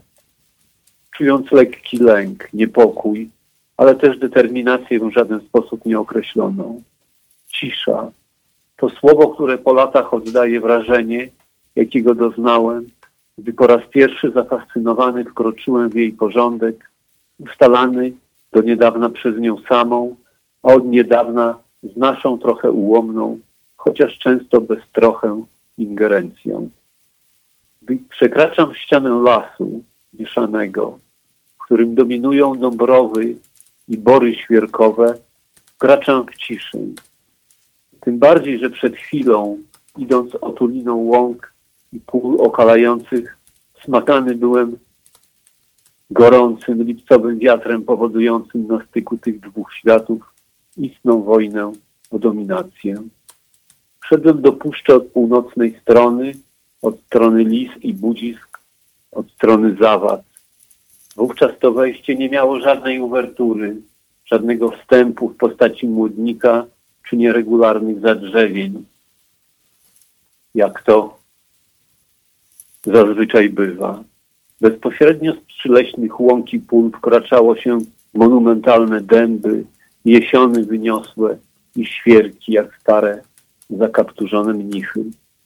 Ta cisza, która mnie nagle otulała, sprawiała przejmujące wrażenie, że weszliśmy do nieznanej nam katedry, a za nami bezszelestnie zamknęły się wrota i nie są to wrota piekieł. Nigdy czegoś takiego nie widziałem. Wyniosłość tych drzew spowodowana pędem do słońca tworzyła korony rozwinięte pod sklepieniem, zaś idealnie proste i krągłe pnie, pozbawione gałęzi, na wysokości kilkunastu metrów do złudzenia przypominały pozoru bezładnie rozrzucone kolumny, podtrzymujące zielone, migotliwe sklepienie. Niezwykłe uczucie, które nie opuściło mnie już nigdy, zachowało się we mnie nieskalane i mogę je przywołać w dowolnej chwili na każde zawołanie. Wyświetlam je sobie bez względu na okoliczności i upływ czasu. I pomimo tego, że tej puszczy, którą wam przedstawię, już nie ma, ponieważ w dużym stopniu zmieniliśmy ją sami, ale jednocześnie ona sama ulegała przemianom, poddana prawom natury, które nie posiadają mocy miłosierdzia, chociaż lecący z swym chwiejnym lotem motylek zazwyczaj nas wzrusza, to skutki tego lotu i naszego wzruszenia mogą być nieobliczalne lub, lub jak mawia moja niezwykła matka, opłakane. Wycinaliśmy drzewa, aby zrobić z nich papier, na którym spisywaliśmy i spisujemy to, do czego doprowadziliśmy, wycinając lasy i dewastując naturę. Śmiało możemy powiedzieć, że mamy do czynienia z kimś niepoczytalnym i poprzestanę na tej uwadze, nie chcąc wprowadzać teorii destrukcji już na początku spotkania. I chociaż zapewne w dalszej wędrówce nie wytrzymam, zapomnę się i uderzę czasami w ten kaznodziejski ton zwiastujący karę, zarazę i pomór wielki, to tymczasem zostaniemy na etapie wieście i czyńcie ją sobie poddaną. Moment, w którym otworzyła mi swoje podwoje, był okresem, kiedy braliśmy i czyniliśmy ją sobie poddaną. Zatem możemy uznać, że wszystkie dzieła literackie, traktaty filozoficzne, słowniki i encyklopedie powstały dzięki drzewom, przynajmniej literatury nowożytnej. Czy tuląc się do brzozy powinniśmy stwierdzić, rośnij kochana, rośnij, napiszę kiedyś na tobie wiersz, może nawet miłosny. Nie byliśmy jednak sobą, nie bylibyśmy jednak sobą, nie pisząc jednocześnie rzeczy złych, podłych i okrutnych. Na jednej szali Schopenhauer, na drugiej Mein Kampf. Obok o miłości Latarkiewicza, ustawy norymberskie. Kilkusetstronicowy zapis nutowy paski według świętego Mateusza Jana Sebastiana Bacha, ale też setki donosów na ukrywających się niewinnych ludzi. To wszystko napisaliśmy na drzewach. Chciałbym pominąć, ale dla porządku dodam jeszcze miliardy gazet, administracyjnych druków, tych druków ścisłego zarachowania i niezliczone ilości ksiąg, kodeksów, dokumentów, aktów i ustaw prawnych. Ale moim zdaniem rzeczą najgorszą, jaką z mozołem, jaką z mozołem zapisujemy na drzewach, jest nieprawdziwa, a często fałszywa historia. Ona pozwala wyciągać z przeszłości fałsz i na jego podstawie budować współczesną fałszywą narrację. I tak samo dotyczy to kłamliwego przekazu w obrębie najbliższej rodziny, jak i najważniejszych aktów założycielskich. A szalę takiego przekazu dopełnia stwierdzenie, że o zmarłych nie mówimy źle. Kolejny kulturowy fenomen, nie mający nic wspólnego z fenomenologią. Tysiące kanali o zafałszowanych życiorysach, drugie tyle posługujące się i modyfikujące ten fałsz na potrzeby bieżących interesów zwanych polityką historyczną. Na szczęście, chyba na szczęście, zapisujemy na drzewach przekazy świadczące o innych ludzkich przymiotach, które przekazują nam wiedzę i prawa pozwalające nam na w miarę harmonijne, nieinwazyjne życie. Jeżeli jesteśmy na początku tej drogi, a jesteśmy, a to, co w tej chwili piszę, zapisywane jest w kodzie cyfrowym na twardym dysku, to gdy po postawieniu kropki zasadzę drzewo, stanie się wówczas tak zwane pozytywne przesilenie. Wyobrażam sobie sytuację, w której człowiek po narodzinach otrzymuje drzewo, jedno, i drzewo to będzie jego miejscem do przetrwania, czy też może po prostu życia. Drzewo to będzie go ubierać, chronić, karmić, udostępniać materiał do aktywności zawodowej, będąc jednocześnie dostarczycielem wrażeń do jego rozwoju duchowego. Wraz ze śmiercią drzewa umierałby człowiek. To może na razie tyle.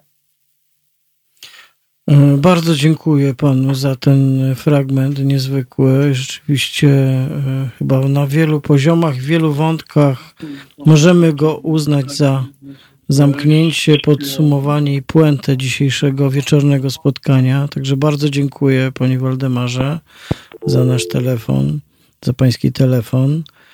E, tak, tak, ja też bardzo lubię, tak jak piszecie Państwo. Panie Jacku, Panu też już chciałem podziękować za nasze spotkanie i rozmowę i mm, tylko odesłać chyba Państwa do ewentualnie lektury, jeśli dacie radę mm, całości albo przynajmniej fragmentów na stronie e, nigdywięcej.org e, znajdziecie Państwo raport pod tytułem Wirus Nienawiści o, o zachowaniach e, w ciągu ostatnich miesięcy zachowaniach, które, w których znalazły się e, motywy oskarżania różnych grup e, ludzi o, o, o, o tą pandemię. Bardzo to jest przykry raport w jakimś sensie. Też chciałem, także panie Jacku, pan Jacek Dzięgielewski był naszym gościem, pan Jacek, który jest współautorem tego raportu ze Stowarzyszenia nigdy więcej. Chciałem bardzo podziękować za naszą rozmowę i się, i się z Panem już pożegnać. W takim razie do usłyszenia i raz Dziękuję jeszcze bardzo. dziękuję. Polecam lekturę Państwu. I na sam koniec właściwie jeszcze chciałem nawiązać do tego do jednego wątku, który się pojawił w, e, w tym fragmencie, który czytał pan Waldemar. E, W sobotę o godzinie 10 rano będzie, miała premier, będzie miał premierę film braci Marka i Tomasza Sekielskich, jakby drugi film dokumentalny Zabawa wchowanego, który, y, który opisuje po prostu przestępstwa seksualne wobec dzieci, które, w których to przestępstw dokonywali. Sprawcami byli e, księża. Ten film drugi, po pierwszym Tylko nie mów nikomu, e, no jest kolejną taką odsłoną, które pokazuje z jednej strony samych sprawców, z drugiej strony e, biskupów, tutaj głównie jednego z biskupów, e, jednego z biskupów, tak, biskupa konkretnie Janiaka z Bydgoszczy, e, którzy po prostu latami tę sprawę tuszują, ukrywają, księży przenoszą, doprowadzając do kolejnych dramatów, tragedii, gwałtów i molestowania. Tak sobie pomyślałem, że właśnie o tej opowieści, e, że o, o zmarłych nigdy źle, Dlatego, że w tych dniach właśnie umarł jeden z księży, który był bohaterem pierwszego z tych filmów, e, gdzie udało się nagrać e, ukrytą kamerą de facto jego przyznanie się do winy. I, i prawdę mówiąc, no ciężki w sumie się zrobił ten wieczór dzisiaj, ale może, no może trzeba mówić o rzeczach ważnych, chociaż są trudne. E, Ale ten e, chyba fragment, który tego tekstu literackiego, takiego wyznania, trochę eseju, który przeczytał pan Waldemar, mam takie poczucie, że uspokoił trochę te fale i wylał oliwę na to nasze zburzone, problematyczne morze e, współczesności i Polski Anno Domini 2020. To cóż, yy, w takim razie życzę Państwu dobrej, spokojnej nocy. Halo Radio się z Państwem żegna. Ja też dziękuję Kajtkowi za współpracę i tutaj ciężką, ciężką robotę. No i na koniec, największą przyjemnością jeszcze zdążę zapowiedzieć yy, jedną z pięknych piosenek Zbigniewa Wodeckiego. Zacznij od Bacha. No i cóż, zacznij od Bacha, skończ na Bachu, a zacznij od drzewa, skończ na drzewie. Oczywiście, jeśli nie jesteś kierowcą. Prawda? Generalnie wątek drzew będzie do nas dzisiaj i w ogóle wielokrotnie jeszcze wracał. Bardzo Państwu dziękuję za uwagę, za bycie z nami, za komentowanie, za telefonowanie, za wspieranie nas, w tym wspieranie finansowe. Apelujemy, dziękujemy, jesteśmy wdzięczni. Kłaniamy się. A, na koniec jeszcze pokażę okładki książ okładkę książki e, Księga Pytań Pablo Nerudy. Tak wygląda ta okładka. O. Jest bardzo przepiękna. Wydawnictwo Tako. E, Cudowna graficzna propozycja. Może któregoś dnia po prostu Państwu poczytam te przedziwne, przedziwne pytania które w tej księdze Pablo Neruda pomieścił, a Filip Łobodziński przetłumaczył. Teraz już życzę dobrej nocy i do usłyszenia. Jutro od 7 rano ruszamy premierowo. Zapraszam też do słuchania podcastów. Roman Kurkiewicz. Dobranoc. Do usłyszenia.